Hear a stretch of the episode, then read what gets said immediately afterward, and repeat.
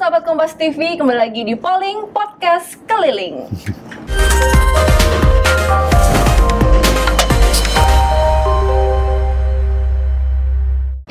Nah, seperti luar biasanya, polling datengin nasum-nasum yang seru, yang apik, kita ngobrol. Dan kali ini Yuil sudah bersama dengan pegiat literasi digital. Siapa dia? Mas Syafiq Ponto. Halo, apa kabar Mas? Baik, baik, baik, Iya, baik. itu dia. Sibuk apa nih sekarang? Sekarang sih lagi sibuk uh, ngurusin kantor, Oke. terus udah gitu sama masak. Masak. Oke, masak apa? Uh, Apa aja? Sebenarnya sih gini, kalau masakan tuh saya suka masak daging gitu ya, jadi masak Oh. steak, terus bikin daging presto, Boleh terus pesen ya. pokoknya semua yang ber- mengandung protein, Oke, nah luar biasa. dan gurih. Nah, itu dia. Kayaknya bisa minta resepnya kali ya, Boleh, guys. boleh, boleh, Oke. boleh. Mas Syafiq ini sebagai Chief Strategi Strategy Officer dan juga co-founder dari perusahaan konsultan bisnis dan riset Prophetic. Benar Ya. ya? Dan sampai sekarang ya? Ya. Oke, nah ini sebenarnya bergeraknya di bidang apa sih Mas? Untuk riset-riset doang atau ada data yang memang dilampirkan untuk masyarakat luas? Jadi uh, kita itu uh, apa perusahaan data analitik Mm-mm. yang objektifnya untuk memahami dan menganalisa situasi pemetaan dan Oke. sebagainya lalu kita kembangkan menjadi uh, strategi komunikasi berupa Hmm. narasi besar implementasinya mau seperti apa terus bikin apa uh, perencanaan juga gitu kalau mau dikomunikasi build up-nya seperti apa Nah, gitu. ini datanya dinikmati sama siapa? Uh, biasanya sih sama kah? lebih banyak sama klien-klien kami gitu. Oh, Jadi gitu. bisa ada Oke. perusahaan, ada lembaga, ada Oke. institusi dan sebagainya. Nah, ini kalau kita ngomong-ngomong nih Mas soal literasi Hmm. digital zaman now gitu ya. Ya. Eh, sahabat Kompas TV juga pasti orang-orang yang melek media. Iya, iya, Terus iya. kita juga siapa sih zaman now yang nggak punya handphone? Ya kan minimal Ih, at least Iya, kamu itu. punya satu atau dua social media gitu Iya, kan yang aktif iya. gitu. Let's say ya Facebook kah, Instagram kah, Iya. Twitter kah gitu kan, Hmm. YouTube gitu kan. Nah, Betul. cuman di zaman sekarang ini kan eh, orang tuh belum terlalu paham gitu. Kenapa sih harus literasi digital? Kenapa sih gue harus tahu literasi media gitu kan? Iya. Di mana orang harus analisis, harus evaluasi, cek recheck dulu Iya. benar apa enggak, positif apa enggak. Nah ini trennya seperti apa nih mas? di Jadi sekarang ini. sekarang itu um, apa platform-platform digital atau ekosistem digital ya kita Iya. sebut. Uh, kita bisa ngeliat dari secara ya, timeline itu Oke. dulu tuh kalau nggak salah sekitar tahun 2000 2000-an sampai bahkan 9 90-an akhir lah ya Oke. sampai 2004 2005 itu tuh eranya internet masuk. Jadi Oke. orang berinteraksi Lagi dengan internet, booming-boomingnya booming ya. internet Oh. gitu ya. Uh, platform komunikasi atau social networknya tuh dulu kayak ICQ, MRC, mailing list Ya, gitu ya. ya. Terus ngetiknya masih pakai telnet dan sebagainya. Lalu muncul ke era uh, social network, ada MySpace, ada Oke. Plurk, ada Mm-mm. Twitter, terus muncul uh, Friendster dulu, Ya, terus Friendster akhirnya ya, terus akhirnya ada uh, Facebook, Oke. ada Instagram dan nah waktu awal-awal social network ini berkembang itu kayak golden age-nya Hmm. of digital karena uh, ekosistem digital itu masih asri, masih bersih, orang-orang tuh masih seru di dalamnya Hmm. Masih karena masih masih baik-baik gitu iya, ya. karena masih bersih. Jadi uh, lingkungan digitalnya tuh masih bersih, Hmm. masih asri, kayak ibaratnya Masih dalam masih segar. penyebaran informasi Iya gitu ya dan mas dan, ya? dan uh, ini apa uh, menikmatinya sebagai uh, apa sarana uh, hiburan juga Oke. gitu. Jadi orang uh, melakukan di situ sambil uh, apa sambil uh, bercanda dan sebagainya. Nah, lalu uh, uh, uh, puncak golden age itu di 2014 2014. waktu pemilu presiden. Hmm. Jadi itu golden age-nya sampai situ. Lalu masuk ke dark age of digital di mana makin banyak orang yang aware dan akses internet juga makin ada di mana-mana, platform mudah. lebih mudah digunakan dan sebagainya Hmm. sehingga uh, apa semakin banyak yang uh, memanfaatkan platform ini untuk keperluan banyak hal gitu. Oke. Nah, dari situ muncul juga akhirnya di dark age ini uh, sekitar tahun 2017 ya pas pilgub uh, Hmm, DKI DKI. itu Nah, masuk itu ke dark ya itu masuk ke dark age of digital karena tiba-tiba tuh seperti ada banyak pipa-pipa Hmm. besar ngeluarin limbah polutan. Jadi ekosistemnya tuh kotor. Limbah. Iya, eh, apa ekosistemnya kotor, penuh polutan, sehingga lingkungannya tidak nyaman buat orang berinteraksi. Hmm. Ibaratnya gini, kalau kita tinggal di daerah pemukiman atau tempat tinggal kita tuh isinya tuh asap-asap pabrik, terus apa uh, pol- penuh polutan lah, sampah di mana-mana kan sakit secara fisik. Oke. Di digital juga sama, itu bisa sakit secara mental. Ya. Gitu. Nah, Jadi- itu artinya uh, ada budaya negatif uh, kan negatif positif di Indonesia Iya. ini gitu kan. Nah, kecenderungannya itu apakah pelakunya anak-anak muda, orang tua, mama, bapak-bapak, itu kan banyak kan Mas Uh, Iya. dengan dengan skala umur yang ada Iya. di zaman sekarang dari milenial sampai yang X, Y, Z gitu kan. Nah, Iya. ini kecenderungannya seperti apa sih? Negatifnya apa cuma di anak muda atau di emak-emak atau di bapak-bapak gitu? Em, sangat variasi sekali Oke. gitu. Kita nggak bisa mengapa mengklasterkan Mengkotakkan secara langsung mengkotakkan gitu langsung, ya, gitu, oke. karena dari mulai yang dianggap misalnya kurang uh, teredukasi ya, misalnya uh, apa uh, bukan pendidikannya tinggi sampai Hmm. yang mungkin gelarnya S3 bahkan saya aja sebagai penggiat apa yang berkecimpung di dunia digital dari Hmm. lama aja bisa kepleset juga gitu Ya. kan. Jadi artinya kan siapa pun bisa kena, makanya perlu literasi Hmm. gitu. Hal yang paling sederhana, kita nginstal Facebook, nginstal Instagram, pernah baca term of service-nya enggak? Nah itu Gitu. pernah Itu. nggak ya? Sahabat Kompas TV pernah? Saya aja belum pernah gitu waktu itu. Saya juga Sampai enggak, ketika menyadari bahwa oh iya harus iya, baca iya, term iya, of iya. service, coba baca. Nggak jelimetnya minta Iya, ampun, iya. tapi kadang Mungkin akan mungkin terlalu banyak panjang mas. Iya sih, tapi juga saya lihat uh, Facebook atau Insta atau platform-platform Iya, lain ya, iya, iya. itu Heeh. kadang juga berusaha untuk menjelaskannya ada kayak uh, apa uh, bagian-bagiannya supaya orang mau baca dan Iya. memudahkan untuk baca juga. Menurutku sih emang uh, perlu ya. Terus juga di sisi lain juga sama seperti pisau misalnya. Mm-mm. Pisau itu kan orang kalau pegang pisau Buat terus motong buat masak kalau nggak belajar gimana cara pegang pisau Yang dan benar. tidak terliterasi pegang pisau untuk masak potongnya benar kepotong tangannya Oke. gitu nah tapi juga ada orang yang pegang pisau untuk uh, tujuannya yang tidak baik kayak nusuk orang Hmm, gitu hmm, itu juga hmm. nggak benar Oke. artinya apa platform-platform digital itu tuh kayak alat bantu tapi orangnya yang harus bijak menggunakannya gitu. Oke, ini kan sampai ada istilah eh, jempolmu harimaumu, gitu Iya, kan, Mas. Ke- tadi Mas Syafiq pernah eh, juga menyinggung soal pendidikan. Ya. Tapi tidak sedikit orang-orang yang berpendidikan pun mengkomentari suatu hal, suatu kejadian tanpa berpikir dua kali, gitu kan? Ya. Contoh lah misalnya eh, seperti kejadian beberapa waktu lalu ketika Menko Polhukam Wiranto mengalami penusukan di Pandeglang, eh, Ibu Hanum Rais Ya. mengkomentari katanya ini mah cuma settingan supaya dana deradikalisasinya mengucur. Hmm. Sempat dihapus, Ya. sempat menghilang, tapi udah keburu di retweet sama netizen. ya. Nah ini artinya kan pendidikan itu bukan suatu alasan orang jadi lebih bijak. Ya. Artinya kembali ke diri sendiri apa gimana nih mas? Eh, Untuk sebetulnya eh, ada hal yang mungkin eh, orang tuh belum paham cara eh, bergerak di eh, ekosistem digital. Hmm. Ibaratnya gini, orang nyetir, kalau misalnya orang nggak ngerti rambu-rambu lalu lintas, pasti tabrakan, ya. gitu. Pas tabrakan, karena nggak ngerti rambu-rambunya, salah-salahan.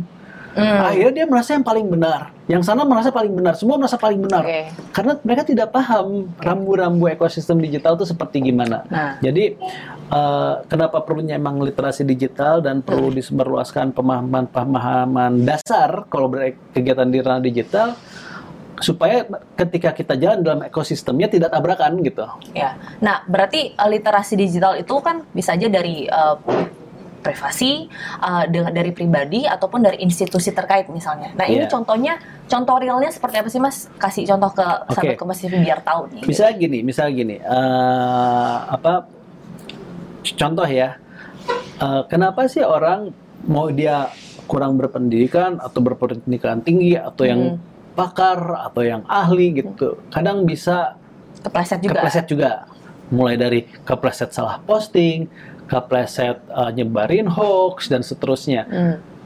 pertama karena dia tidak terbiasa yang benarnya seperti gimana. Contoh misalnya gini, misalnya eh, apa eh, ketika dia dapat informasi Mm-mm.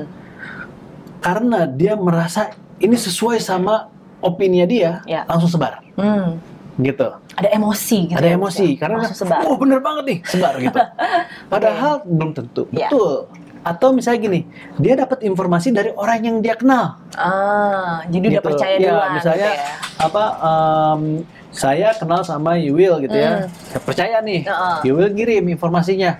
Wah, dari orang Kompas TV nih pasti benar. Langsung sebar. Tapi Padahal belum tentu. Padahal belum tentu Oke. karena kandung percaya. Jadi Mm. salah satu tipsnya waktu itu eh, apa saya dikasih sama Mm. dari teman saya dia menjelaskan dia ahli ahli di neuroscience terus neuroscience terus dari itu dia menjelaskan in- eh, kayak tips lah gitu. Oke. Tipsnya adalah kalau kita membaca informasi terus kita merasa pengen cepet-cepet menyebarkan atau cepet-cepet menghapus, Hmm. nah itu tahan dulu Oke, gitu tahan dulu. tahan dulu, tahan jempol, tahan jempol, Tahan jempol Anda ya. gitu ya. Jadi kalau ada sesuatu yang membuat kita kayak, wah, eh, ah, Nah, itu dia. Itu perlu latihan, Nah, karena pengendalian diri ya, iya Mas? perlu latihan, perlu dilatih karena uh, apa? Biasanya kan reaktif itu paling mudah ya, Mm. gitu. Terus kalau misalnya kita sering mendapat informasi yang uh, menakutkan, apa fear. Oke. Maksudnya ada istilah fear uncertainty doubt Mm. nggak ada hubungan sama isu-isu lain tapi sering dapat informasi seperti Iya, itu iya. dan kita konsumsi kita telan dan kita bantu sebarin lagi gitu itu membuat diri kita rentan untuk reaktif nyebarin Oke. apakah itu nanti yang disebarin hoax atau bukan atau gimana tapi jadi reaktif untuk menyebarkan Mm. jadi intinya adalah eh, kalau ada informasi yang memang menakutkan dan kayaknya Dan oh ini ngeri kebenarannya. dan belum tentu kebenarannya lebih baik jangan disebar Oke. gitu. Tapi kalau kita benar-benar tahu, ya ini kejadian benar, udah terverifikasi, Hmm. tervalidasi gini dan menakutkan, disebar untuk keperluan supaya orang-orang juga aware, nggak apa-apa. Tapi Oke. kalau misalnya ini nggak jelas, cuma menakutkan, misalnya ada penusukan di sini, ada penculikan seperti gini gitu, terus main sebar aja dengan harapan eh, ini eh, kan niatnya baik. Iya. Nah, kalau kayak gitu, itu malah seperti menyuburkan ekosistem digital dan masyarakat di dalamnya untuk reaktif kalau dapat informasi itu langsung nyebar. Iya. Nah, itu kan biasa terjadi di grup-grup WhatsApp, let's say gitu kan ya. Salah satunya. Eh, ya, dan eh, te- tapi dengan penjelasan tadi Mas Syafiq itu eh, bukan berarti cuma di orang tua doang, gitu kan? Bukan. Bahkan Ah. anak-anak muda pun bahkan lebih cepat ya Mas ya. Pluk pluk pluk pluk gitu. Udah Um, tersebar gitu kan ya. di minimal di komunitas sekolahnya atau komunitas kuliahnya Ya, gitu kan. em, Itu juga apa balik lagi. Saya rasa banyak juga anak muda yang dia udah udah paham karena Hmm. mereka natif, Oke. natif digital. Dia udah udah secara Berasa di bawah tahu. alam sadar, Oh, Oke. dia udah ngerti kalau gua ngomong gini Mm-mm. nanti pasti nyinggung si ini nanti berantem. Kalau aku posting gini, kadang udah ada kesadaran seperti Oke. itu gitu. Karena Tapi kesadaran berarti nggak ada di ibu-ibu apa sama bapak-bapak nih? Karena mereka kan Lebih- mungkin masuk ke ranah digitalnya Oke. belakangan. Ada eh, apa eh, ibu-ibu bapak-bapak yang Mm. tersadarkan atau mau untuk Oke. belajar, ada juga ada yang kokoh, ada juga gitu. Jadi emang variasinya banyak gitu. Iya, Tapi nggak iya, iya. apa kalau bisa diklasterin banyak kan di ibu-ibu bapak-bapak juga muda itu dibilang gitu nggak ya. bisa kan terlalu, terlalu Mm. variatif gitu. Oke, tapi kalau lihat data nih mas, Hmm. penyebar hoax ke- yang lebih besar tuh lebih ke kalangan yang mana? Kalau eh, apa dari datanya teman-teman di Mavindo Mm-mm. waktu itu ada sekitar 2018 mereka mempublish data eh, karena 2018 kan tahun politik, jadi Hmm. sebagian besar isu politik. Ya, Tapi kalau isu politiknya dihilangin, yang kedua terbesar adalah isu kesehatan, oh, oke. yang di dalamnya ada obat dan makanan, gitu. Oke, Yang ya kalau umumnya suka melihat misalnya Mm. penguat, Oke, pembesar oke. dan sebagainya lah. Nah Mm. itu eh, apa banyak sekali informasi yang tidak tepat atau Simpang cenderung siur. hoax atau Oke, nah. Oke. Nah, ini kalau misalnya kita lihat eh, pastinya sahabat Kompas TV juga mau dong punya budaya positif eh, berinternet, bersosial media gitu kan. Ya. Kalau aku pribadi nih Mas, Hmm. kalau aku dapat informasi, biasa aku pakai satu aplikasi. Eh, jadi Hmm. dia kayak menyaring bener gak ini informasinya eh benar-benar ada nih gitu Hmm. kan. Misalkan kayak kemarin kan sempat tuh yang booming soal beras plastik. Iya. Nah, gitu kan. Iya.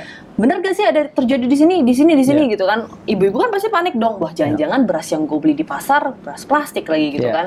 Nah, kalau dari saya pribadi saya mengecek Iya, sebelum saya menyebarkan. betul. Nah, cuman kan eh, kadang banyak anak-anak muda yang sosial medianya juga tidak dipantau oleh orang tuanya. Iya, nah, betul, betul. artinya kan harus ada edukasi juga dari keluarga gitu ya, Mas ya. Iya, jadi eh, mungkin yang bisa atau eh, relatif memang ketimpaan peran ini Hmm. gitu untuk melakukan edukasi itu adalah generasi keluarga muda. Oke. Karena gini, dia jadi karena dia itu kan generasi yang peralihan ya Mm-mm. antara yang bukan net native dengan yang Oke. net native.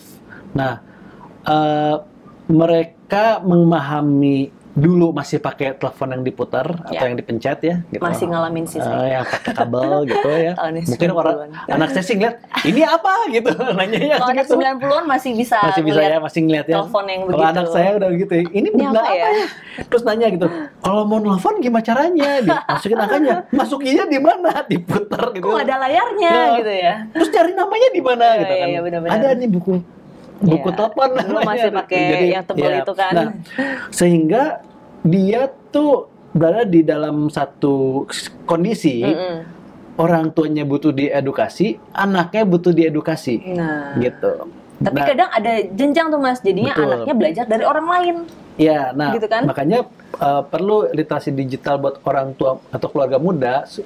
Apa sih yang boleh sama buat anak atau enggak? Misalnya Oke. kan ada anak-anak yang misalnya uh, dari kecil udah punya handphone, lalu Nah, udah tuh. bikin instastory dan sebagainya. Bukan berarti itu nggak boleh atau bukan, bukan gimana ya? Bukan berarti itu benar atau salah, Mm-mm. tapi anak mungkin belum punya jam terbang untuk lebih berhati-hati ngeposting. Oke. Misalnya dia bikin instastory, misalnya ini ini eh, saya ngarang gitu ya, Mm, misalnya. ngarang. Ngarang ya. Saya ngarang gitu ya. Misalnya dia bikin instastory gini. Hai guys, ya nih saya lagi di rumah nih, Eh, rumah saya di jalan ini, gini nih halamannya, Aduh. ini ininya, ini mobil saya di, terus udah gitu, aku seneng main Fortnite gitu, terus nanti kalau mau main Fortnite bisa invite aku ya, aku rumahnya di sini, terus gitu. Oh, kesannya pamer dan menunjukkan Niatnya, ni- niatnya tuh eh, genuine, Iya, maksudnya dia, iya, dia iya, cuma iya. cerita, tapi kan itu tapi kan bisa disalahgunakan. bisa disalahgunakan gitu. Apalagi pas bilang, ini kebetulan mama sama papa lagi ngantor. Oh my god. Nah itu itu maksudnya maksudnya itu Iya, perlu iya, iya, iya. anaknya perlu diedukasi Benar, nanti benar, kalau benar. kamu mau bikin video gini jangan bilang ini ini Mhm, ini atau misalnya juga mulai kan yang yang ngeri misalnya predator predator pedofil di Iya, iya, online benar kayak gitu. banget. Nah itu gimana cara edukasinya? Nah, gitu. itu wadahnya, wadah realnya deh Mas untuk misalkan eh, sahabat Oke. Kompas TV juga misalnya, Ya. wah baru nonton polling nih mah, pah gitu kan, belajar literasi digital dari sini ya gitu. Ya. Bisa Kalau- gimana tuh Mas? Sekarang alhamdulillah sih udah banyak yang punya concern yang sama. Nah. Misalnya kayak teman-teman siberkreasi. Hmm. Nah itu banyak tuh. Mm-mm. Bahkan ada uh, dokumen dokumen buku-buku literasi digital Mm. yang apa dikumpulkan dan dibikin sama teman-teman siberkreasi Oke. untuk bisa dibaca. Misalnya literasi digital untuk orang tua seperti gimana, Mm-mm. untuk anak seperti itu ada angka. Oke. Lalu ada uh, bisa juga misalnya kalau mau bergabung ke kantong-kantong kerelawanan itu ada apa uh, relawan uh, Mavindo yang menye- apa uh, berusaha untuk melawan hoax. Mm-mm. Ada relawan TIK milik Kominfo. Oh, ada juga banyak ya ada eh, banyak, wadahnya banyak, gitu eh, untuk orang bisa akses itu. Iya, ada juga kayak keluarga kita itu Oke. uh, young young parent, jadi uh, apa um, orang tua muda yang concern di bidang uh, edukasi, literasi, termasuk salah satu di dalamnya ada literasi digital juga gitu. Oke. Terus um, apa ada banyak juga misalnya di tips-tips di internet untuk melawan hoax seperti gimana. Jadi sebenarnya wadahnya ada, Banyak tapi hal yang positif. Betul, tapi kan karena ada banyak sekali kanal, ada, kayak gini deh, kalau kita buka handphone gitu ya, Mm, mm, mm. kita buka handphone, coba hitung ada berapa banyak aplikasi di dalamnya, Iya. gitu. Banyak banget. Ini rata-rata aja saya nih ada sekitar 100-150 aplikasi gitu. Bisa dicoba dihitung Iya, gitu ya di iya. rumah gitu ada berapa banyak. Di iPad saya juga banyak ini. rebutan perhatian Iya, kita. benar-benar. Ini baru aplikasi, belum kalau misalnya salah satu aplikasi katakanlah WhatsApp. Mm-mm. Coba dihitung ada berapa banyak WhatsApp grup di dalam, Yes, gitu. kontaknya dulu deh bisa Iya. ribuan gitu ya. itu aja berebut attention kita. Jadi walaupun kontennya ada banyak di internet, kalau kita tidak saling share, saling menyebarkan konten-konten yang bagus dan positif, ekosistem digitalnya akan makin kotor, makin kotor, makin kotor. Oke, Gitu. jadinya limbah. limbahnya tuh jadi nggak bersih-bersih gitu. Oke, Ah. siap. Oke, nah eh, Mas Syafiq Ya. eh, mengenai tadi kan soal kita belajar literasi media. Hmm. Nah, masyarakat juga perlu tahu nih ada yang namanya Undang-Undang ITE.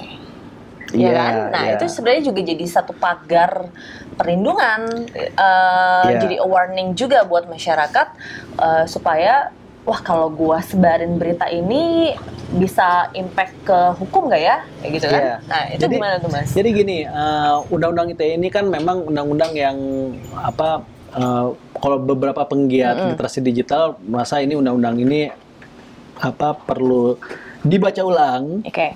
dipelajari, bila perlu direvisi mungkin perlu direvisi gitu. Oke.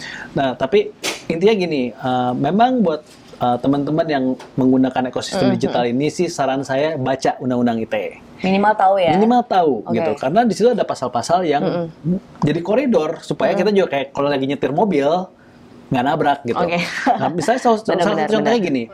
eh, apa eh, kebetulan kemarin saya baru apa bikin podcast juga jadi promosi. Nah, Nggak, nggak tapi, apa-apa. eh, kemarin tuh baru bikin podcast sama teman-teman Justika Oke. gitu ya. eh, namanya di Tentang apa eh, dihukum on eh, dihukum dihukum podcast namanya. Oke. Itu eh, tentang kita membahas eh, ya isu-isu terkait sama eh, apa hukum supaya masyarakat tuh sadar bahwa oh saya jadi sadar hukum jadi paham oh ada Mhm, hukumnya misalnya kayak parkir di pinggir kalau tetangga parkir di pinggir jalan ngalangin pintu saya ini Bisa tuh di- bisa di pidana. oh, pidana atau enggak gitu nah itu ada pembahasannya Iya. tapi eh, waktu itu eh, kami baru bikin podcast juga terkait sama tadi. Eh, hukumnya seperti apa sih kalau main di digital nah salah satunya misalnya gini eh, ruang publik Oke. menyebarkan informasi di ruang publik. Definisi ruang publik apa sih?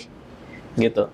Rupanya saya dijelaskan sama rekan saya di Justika eh, apa eh, yang apa bukan rekan- bukan saya kerja di Justika ya, Iya, tapi iya, iya. eh, teman yang kerja di sana. Eh, teman saya kerja di sana gitu. Eh, dia menjelaskan bahwa eh, definisi dari ruang publik adalah kalau tempat yang bisa menyampai ya, nyampe ke orang banyak Mm-mm. minimal lebih dari dua.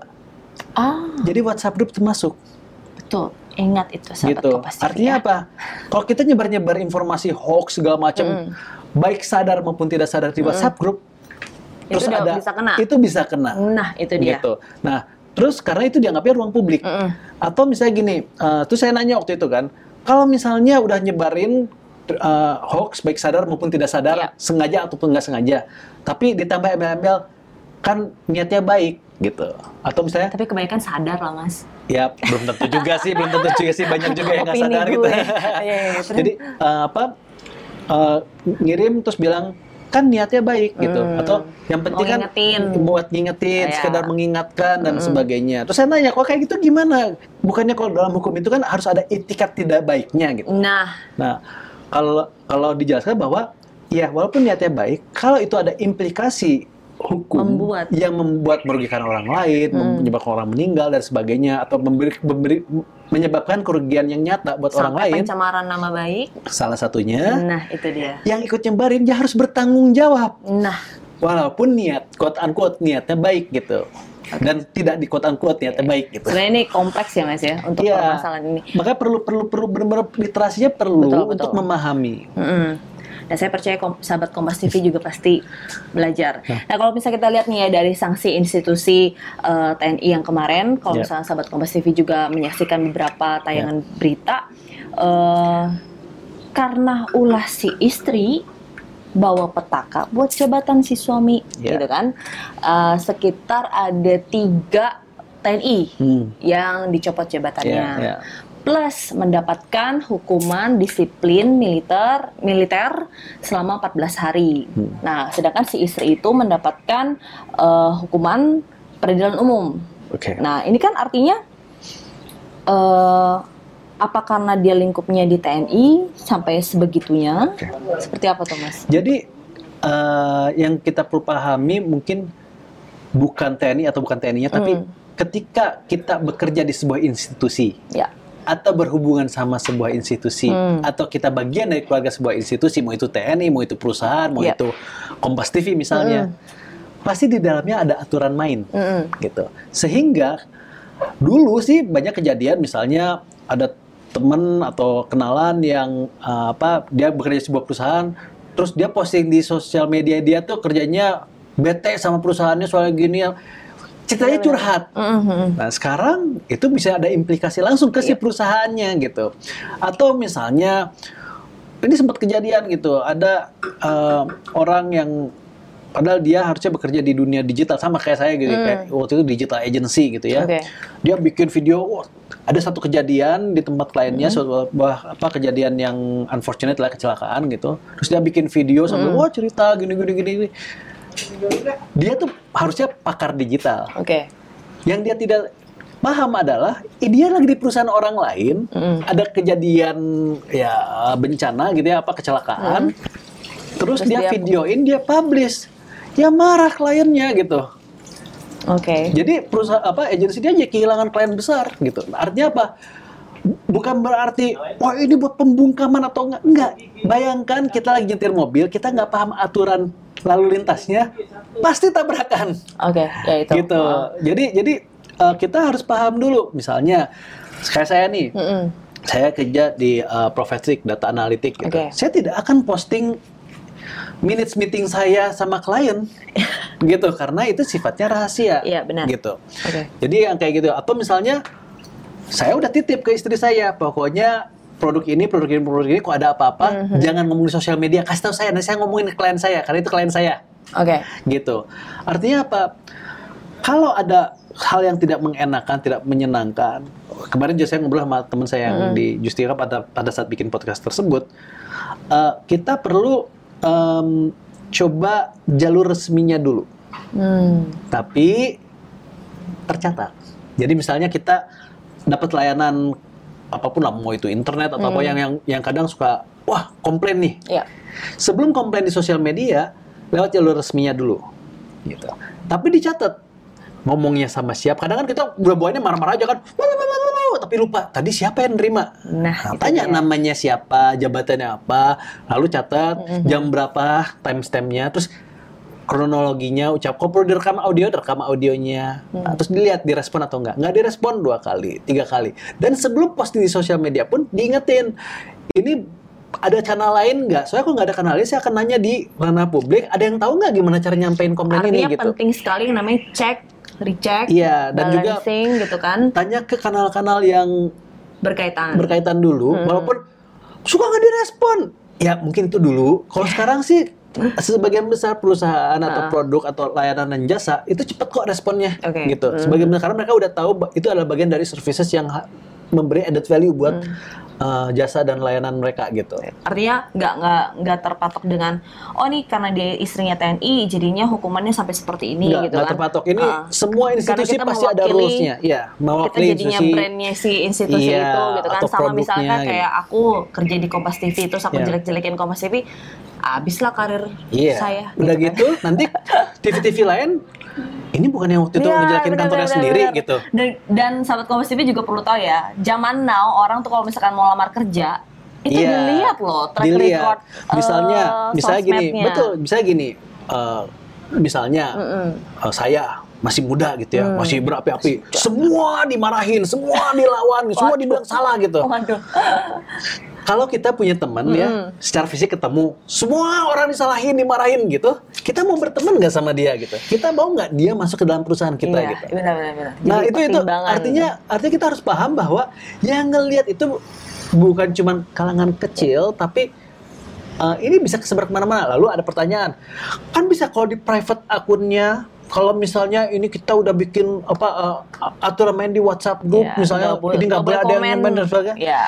Kan itu kan kalau apalagi kalau dari private kan nggak bisa disebar sama orang. Iya, tapi kan ada teknologi namanya screen capture Nah itu dia. gitu yang membuat orang mau nge-screen capture nyebar regardless tapi kan itu bisa diedit iya tapi kan keburu nyebar Hmm. gitu kalau kita nggak pernah ngomong itu kan kita bisa bilang nggak ada fakta yang nggak ada hoax gini yang nyebarnya yang kena rekam gitu jejak digital Iya. itu bahkan sahabat Kompas TV harus benar-benar dijaga. betul bahkan misalnya kayak gini kemarin saya membahas sama di podcast itu Ah. tentang eh, kalau apa diselingkuhin bisa dituntut nggak sih Hmm, gitu bisa. Nah, terus nah, saya pikir bercanda nih gitu. Ternyata bisa gitu. Bisa Ternyata dong. bisa. Kalau menimbulkan kerugian. Terus aku pikir apa ruginya sakit hati gitu ya, perasaan tidak senang atau Iya, gimana? Iya, benar. Sebagai wanita ya, kalau Iya, misalkan tapi, tapi diselingkuhi. secara dokumen hukum itu susah dibuktikan ya sakit hatinya seperti gimana sakit hatinya benar, gitu. benar, susah. Nah, Nah, jadi itu rupanya ada. kalau misalnya gini, udah mau menikah, udah pesan apa pesan Venue, venue oh, udah vendor-vendor, bayar oke. vendor-vendor tiba-tiba gagal nikah karena salah satunya selingkuh Mm. itu bisa dituntut Nah, itu gitu. dia. Tapi pasti ada tahapannya diajak ngobrol dulu di musyawarahkan dulu sampai deadlock kok deadlock baru tuntut. Iya, Ya iya. tahapan. Tapi bisa juga sih mas kalau selingkuh eh, uang yang harusnya buat keluarga tapi buat selingkuhan itu kan kerugian. Nah, itu bisa. Iya kan? mungkin bisa, mungkin bisa. Kayak itu mesti nanya nanti ke teman-teman Iya, di Justika gitu. Tapi dari situ tuh Benar, benar. eh, salah satu yang kita tekankan adalah ketika misalnya aduh ini si- ini selingkuh Hmm. gitu ya. Terus kita langsung marah-marah di sosial media. Malah bisa dituntut balik. Iya, jadi udah diselingkuhi, baik. ah, udah diselingkuhin, uang buat gedungnya hilang, Dipolisikan. dipolisikan juga gitu. Maka artinya kita harus hati-hati gitu. Mhm. Memang kalau dulu kenapa dulu bisa bebas merdeka, Hmm. jalanannya tuh masih gede-gede, mobilnya jadi dikit. Oke. Jadi gak ada aturan pun juga susah untuk nabrak gitu. Kalau sekarang udah jalannya sempit-sempit, mobil di mana-mana, Mepet-mepet. aturan yang nggak jelas, Iya, pas iya. macet gitu ya, deadlock, saling mengumpat, saling memaki gitu kan. Apalagi kalau lah ya. iya gitu, apalagi kalau udah main pukul gitu, Iya, iya, dipukul jebret benar gitu. banget. Dan Oke. jadinya Nah, jadi intinya kalau misalnya kita belajarnya literasi digital, literasi Hmm. media, itu secara tidak langsung membentuk self image kita di mata publik. Mm-mm. Lo mau jadi orang yang positif kah? Jadi orang yang negatif kah? Ya, Gitu kan, kita pengen. Jadi kalau boleh saran buat apa sahabat Kompas TV, ketika kita punya atau ingin berinteraksi di platform digital atau media sosial, pertama baca term and condition-nya dulu. Kalau kita mau serius ya, baca. Kalau kalau bingung bacanya, bisa tanya ke orang yang udah baca Oke. gitu. Atau bisa cari di internet juga apa sih yang mesti Atau jadi concern gitu. Google Itu Translate. ada gitu. Nah, kedua, bayangkan ini adalah muka kamu di publik Nah, apakah kita pengen terlihat seperti kayak gitu? Jadi kalau curhat-curhat yang eh, gitu, mendingan ketemu muka deh gitu. Nggak perlu diumbar di sosial media karena sekarang mulai ada aturannya, mulai banyak orangnya. Kadang kita ngomong A, nggak maksud nyinggung siapa-siapa. Iya, iya, iya. Ada aja yang tersinggung gitu. Karena saya temukan beberapa orang, Mas, eh, jadi dia merasa lega, merasa lebih free ketika dia sudah me- mengungkapkan kekesalannya dia itu di statusnya gitu. Iya. Kenapa- eh, pokoknya tapi tanpa menye- menyebutkan si no subjek. mention, no mention Iya, gitu ya. nggak mention siapa-siapa. Iya. Tapi dia berasa ketika udah dia posting, ah lega nih gue. Iya. Padahal kita yang baca ini ngapain sih? Ini Iya. marah sama siapa sih gitu kan? Iya, terus udah itu orang berspekulasi. Iya, jadinya akhirnya jadi gosip, asumsi-asumsi, jadi gibah ya. gitu kan. Stop gibah. Oke, kita lanjutkan lagi Iya. nih, Eh, Mas Syafiq. Iya. Kita eh, tanggal 20 Oktober Oh iya. ada pelantikan presiden dan wakil presiden. Eh, Pak Oh nggak Jokowi. nyampe nyampe ya 20 Iya. lewat Iya, lewat lama banget ya minggu ini. gitu. Ya, Tapi eh, dengan presiden terpilih, Mm-mm. Presiden Jokowi eh, dan juga Pak Pak Kiai Haji Maruf Amin. Hmm. Nah ini sebagai tokoh dari pegiat literasi digital dan juga pengamat media sosial, Ya. harapannya apa nih untuk untuk kepemimpinannya presiden Ya. berikutnya ini? Eh, kalau harapan saya sih em, pertama memang dulu kan yang sebelumnya ya lima tahun Hmm. sebelumnya yang dibangun tuh infrastruktur Oke. gitu. Ya udah mulai ada yang jadi ada yang dalam Mhm. proses. Eh, saya sih berharap manusianya juga dibangun Nah. gitu. Maksudnya infrastruktur manusianya, literasinya kata dia, literasi Mhm. digital, kesehatannya gitu. Terus udah gitu juga apa nutrisinya, terus Gizi. eh, gizi, eh, apa ibu dan anak gitu. Eh, pendidikan kayaknya itu perlu apa perlu di, di diprioritaskan Oke. gitu. Karena eh, kalau masyarakatnya apa memahami dan punya skill set dan sebagai sumber daya manusianya bagus, badannya sehat gitu ya, eh, Jiwanya juga jiwanya juga, sehat. gitu, terus udah gitu knowledge-nya juga ada, skillnya juga punya, ya insya Allah sih Indonesia jadi bisa lebih baik gitu. Oke. Tapi nggak bisa hanya publik aja yang melakukan itu. Perlu ada policy-policy dan kebijakan-kebijakan pemerintah Benar. yang mensupport itu bisa terjadi. Oke, nah ini kalau misalnya kita lihat eh, kan udah nih bergulir nama-nama menteri, Hmm. misalkan eh, wajah-wajah baru Ya, di ya. Menteri Kabinet Pak Jokowi dan juga Ya. Maruf Amin. Nah ini apa sebenarnya generasi milenial yang ada di jajaran menteri ini mereka seberapa besar sih impactnya untuk Indonesia Oke. gitu? Eh, kalau aku sih melihat eh, jika ya jika Hmm. memang ternyata ada menteri yang dari anak muda, gini, eh, institusi pemerintahan kita itu isinya kan memang eh, generasi-generasi yang sudah senior. Hmm. Yang kadang dia merasa saya udah nyampein ke publik, tapi publiknya kok sebenarnya nggak ngeh. Hmm.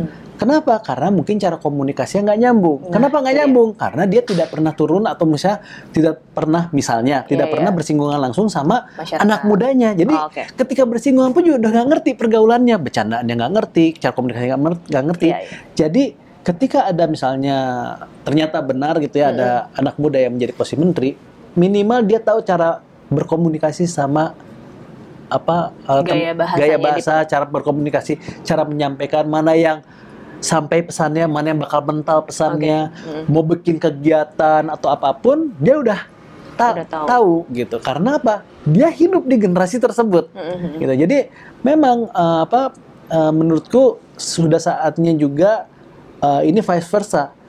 Yang muda dengar yang senior untuk wisdom Mhm. karena mereka udah umurnya udah lebih panjang. Jangan so tahu juga Jangan gitu so tahu ya. juga gitu. Karena yang udah wisdom itu tuh nggak bisa dipelajari, dia harus dialami. Yap. Saya aja harus kepentok masalah dulu di ranah digital, baru saya oh ternyata ada ini nih Iya, gitu. Yang waktu itu. Ya, nah, makanya makanya wisdom ini tuh nggak bisa dipelajari Betul. tapi harus di experience sehingga kita bisa belajar dari wisdom orang Hmm. lain. Makanya Saling kenapa gitu ya, Mas, ya? saling. Mutualisme. Di sisi lain, yang senior juga perlu belajar dari anak muda Nah. karena anak muda ini juga punya banyak knowledge yang kita nggak punya. Hmm. Gini deh sesederhana ini. Saya dulu waktu muda untuk belajar satu lagu pakai gitar itu butuh berhari-hari Iya, betul. dan butuh dua buah kaset. Jadi yang satu kaset aslinya saya rekam ke kaset sebelah, ini di abuse betul. gitu untuk ngulik satu lagu Nah, sekarang tinggal klik aplikasi. tinggal klik aplikasi, tinggal nonton Benar. YouTube. Saya waktu itu nonton beberapa lagu yang saya suka di Mhm. YouTube gitu ya, terus saya mainin.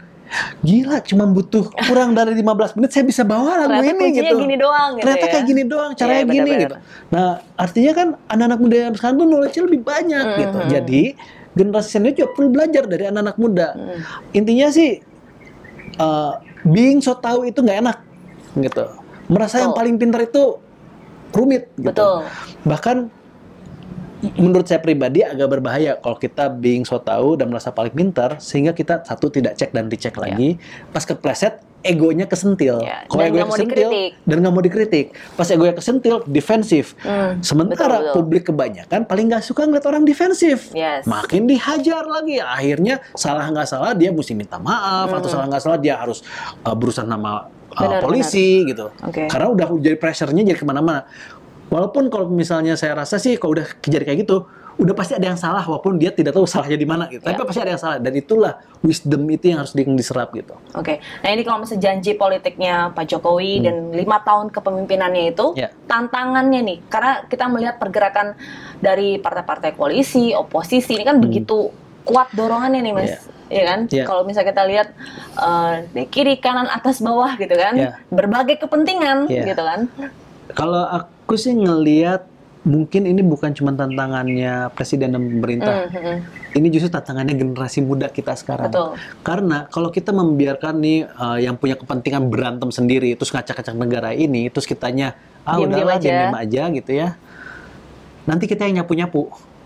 Jadi kok berantakan kita Benar, yang kebagian nggak Kita enaknya. yang kena imbasnya. Ya kalau saya kan generasi yang kuliahnya di tahun 98. Aduh. Kerjanya tuh kebagian krisis melulu gitu. 98, Iya, benar, benar, 2008 terus tuh jadi generasi yang Wow. jadi bemper gitu. Capek loh nyapu-nyapu tuh capek beneran. Mhm. Artinya apa? Artinya eh, saya melihat ada satu kontennya di apa di internet, Mhm. satu video, menurut saya bagus banget. Jadi ada anak kecil eh, martial art, ya, Mhm. aku nggak tahu itu karate atau taekwondo Oke. gitu ya, tapi martial art masih kecil, terus sama eh, apa eh, guru apa suhunya gitu apa apa istilahnya Uh, Uh, ini, sensei, guru, sensei ya. atau suhunya atau apanya lah apa pokoknya ini bu, uh, Coachnya. coachnya lah coach coach uh, bela dirinya minta untuk uh, mecahin papan Oke. terus si anak ini tuh ditonton sama teman-temannya ketika dia coba nendang tek gitu nggak bisa Ya. terus bentuknya jadi kocak gitu Jadi ketawa. teman-temannya nggak ada yang ketawa teman-temannya nyemangatin ayo oke. kamu bisa kok kamu bisa kok dia coba lagi Mhm. gitu. sampai akhirnya dia karena nggak beberapa kali nggak bisa si anak ini nangis Oke. nangis teman-temannya nggak ada yang ketawa malah menyemangatin enggak it's okay it's okay dan pas berhasil jebret semua langsung tepuk tangan tadi peluk anaknya benar, benar. support we have to support orang-orang yang sedang berusaha berbuat baik Yes. gitu regardless misalnya oh menurut menurut gue sih bukan gitu cara ya enggak kalau emang hasilnya bermanfaat walau sedikit Mm-mm. minimal jangan dinyinyirin Oke. capek loh nyinyir tuh No gitu nyinyir Iya. ya, sahabat kemas dan, dan kalau ada yang emang seneng nyinyir nggak apa-apa Iya. gitu. Bukan berarti itu Biar ada salah. warnanya juga Iya, sih, biar ada warnanya gitu Iya, iya, tapi- tapi ada orang yang seneng berteman sama yang nyinyir, Hmm. tapi ada juga yang nggak suka berteman sama orang yang suka nyinyir. Jadi Iya. intinya yang penting kita paham betul kalau kita mau nyinyir emang saya kayak gini, it's okay gitu menurut saya. itu kembali lagi ke Kembali self lagi, image ah, yang, yang akan penting- dibentuk kan. Yang penting dia sadar bahwa ya nggak apa-apa sih dianggap suka nyinyir Iya, gitu. iya, it's iya. okay kok. Ya it's okay gitu. Yang penting dia sadar. Yang Iya, yang, benar-benar. yang berbahaya kok kalau dia tidak sadar. Sehingga ketika kena implikasinya dia tidak siap. Hmm. Secara mental maupun secara uh, apa um, Jadi down gitu Iya. kan. Kayak kemarin saya diceritain sama teman saya yang lawyer, kejadian yang ada anak kecil yang ngebully tuh mukulin anak kecil lagi Iya, iya. gitu. Terus uh, masuk malam terus dibully rame-rame sama netizen gitu kan. Terus saya dapat cerita backstory-nya yang bikin saya agak aduh gitu ya. Mm-mm. Karena rupanya si anak yang apa uh, Yang, yang di yang dibully, dibully. ini akhirnya kan keluar seperti hero Mm-mm. dapat apa uh, produk, Iya, bantuan, dapat iya. hadiah dan sebagainya. Sedangkan tiga anak yang ngebulinya hampir depresi. dibully balik. Karena dia mereka dibully. Jadi gini, kita mengutuk yang ngebully dengan cara ngebully yang dibully. Uh-uh. Apa bedanya kita sama pembuli? Iya, benar. Ini tiga anak ini kasihan. Mereka masih kecil, mereka masih nggak ngerti. Dan rupanya kalau nggak salah ya, dan ini bisa dicek lagi. Kalau nggak salah, ini cuma kayak anak kecil berantem, kayak rebutan apa berantem gitu. Ya, something yang Iya. biasa lah ya terjadi di anak-anak ya, gitu. ya maupun tidak dibenarkan juga Ya, untuk berantem, benar, tapi benar, kan benar. kebayangan kita tanpa tahu situasi sebenarnya seperti gimana, Hmm. tanpa cross check lagi, kita, apa banyak orang deliberately dengan sengaja ngebully tiga anak ini sampai anaknya juga Iya, jadi sangat tertekan, Oke. gitu, bisa sampai depresi gitu. Oke, siap. Itu eh, kalau misalnya aku bisa simpulkan bahwa dari pembicaraan kita hari ini, eh, sahabat Kompas TV, bahwa penting banget yang namanya literasi media. Harus belajar, jangan berhenti belajar, evaluasi, analisis, cari tahu, Iya. cek recheck. Minimal minimal gini, kalau kita eh, apa kita dapat informasi yang kita tidak tahu kebenarannya atau kita tidak tahu Mm-mm. eh, apa Trying to find out. Iya, eh, ini tuh valid atau enggak atau kita ini bukan bidang saya, jadi saya tidak tahu. Lebih baik jangan disebar, Betul. gitu.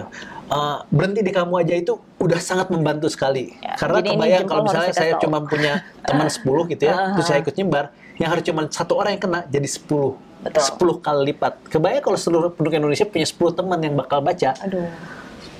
Gitu.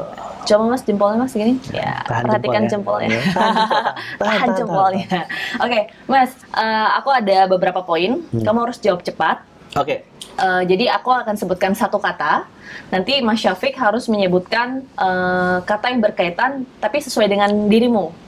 Waduh, Gitu. anything. Enggak. Oke, oke, oke. Pura-pura berat ya, pura-pura Iya. deg-degan gitu. Jadi eh, aku akan sebutkan dengan cepat. Hmm. Nggak boleh mikir ya. Nanti teman-teman sahabat Kom- sahabat Kompas TV juga Kan- lihat kan harus tahan jempol. Oh enggak, ini kan ngomong aja. Oke, oke. ya. Satu kata ya, Mas. Hmm. Oke. Presiden Jokowi. Pancasila, Eh, ji- jiwa toleransi, penting pahlawan, dihormati netizen, hati-hati harapan, baik harapan baik.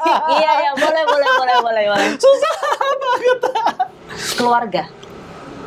sejahtera Nah, itu dia. Yeay! Tegang nggak? Cuma berapa poin loh? Tadi kan aku nanya banyak. ya tapi ada beberapa yang ini apa ya? Ya. Satu kata kan Iya, kita harus iya, pakai satu benar-benar. kata. Iya, justru jawab lebih satu mikir ya, Iya, kalau jawab satu mikir. kalimat bisa, Iya, tapi bisa, kalau bisa, satu bisa. kata kadang Yang mengkaitkan. mikirnya gini, itu katanya apa ya? Jawabannya kata apa ya? Nah itu dia Sobat Kompas TV perbincangan singkat bersama Mas Syafiq Ponto. Thank you Mas buat Sama-sama. waktunya. Terima Dan kasih juga. pastinya uh, kita berharap apa yang sudah kita bicarakan di sini bisa jadi bekal, bisa jadi pelajaran juga Amin. buat Sahabat Kompas TV. Dan pastinya jangan lupa like, comment, subscribe, dan share ya. Thank you. Kita ke- ketemu lagi di polling berikutnya bersama saya Yuliana Wan dan juga Mas Syafiq Ponto. Kita undur diri. Bye bye.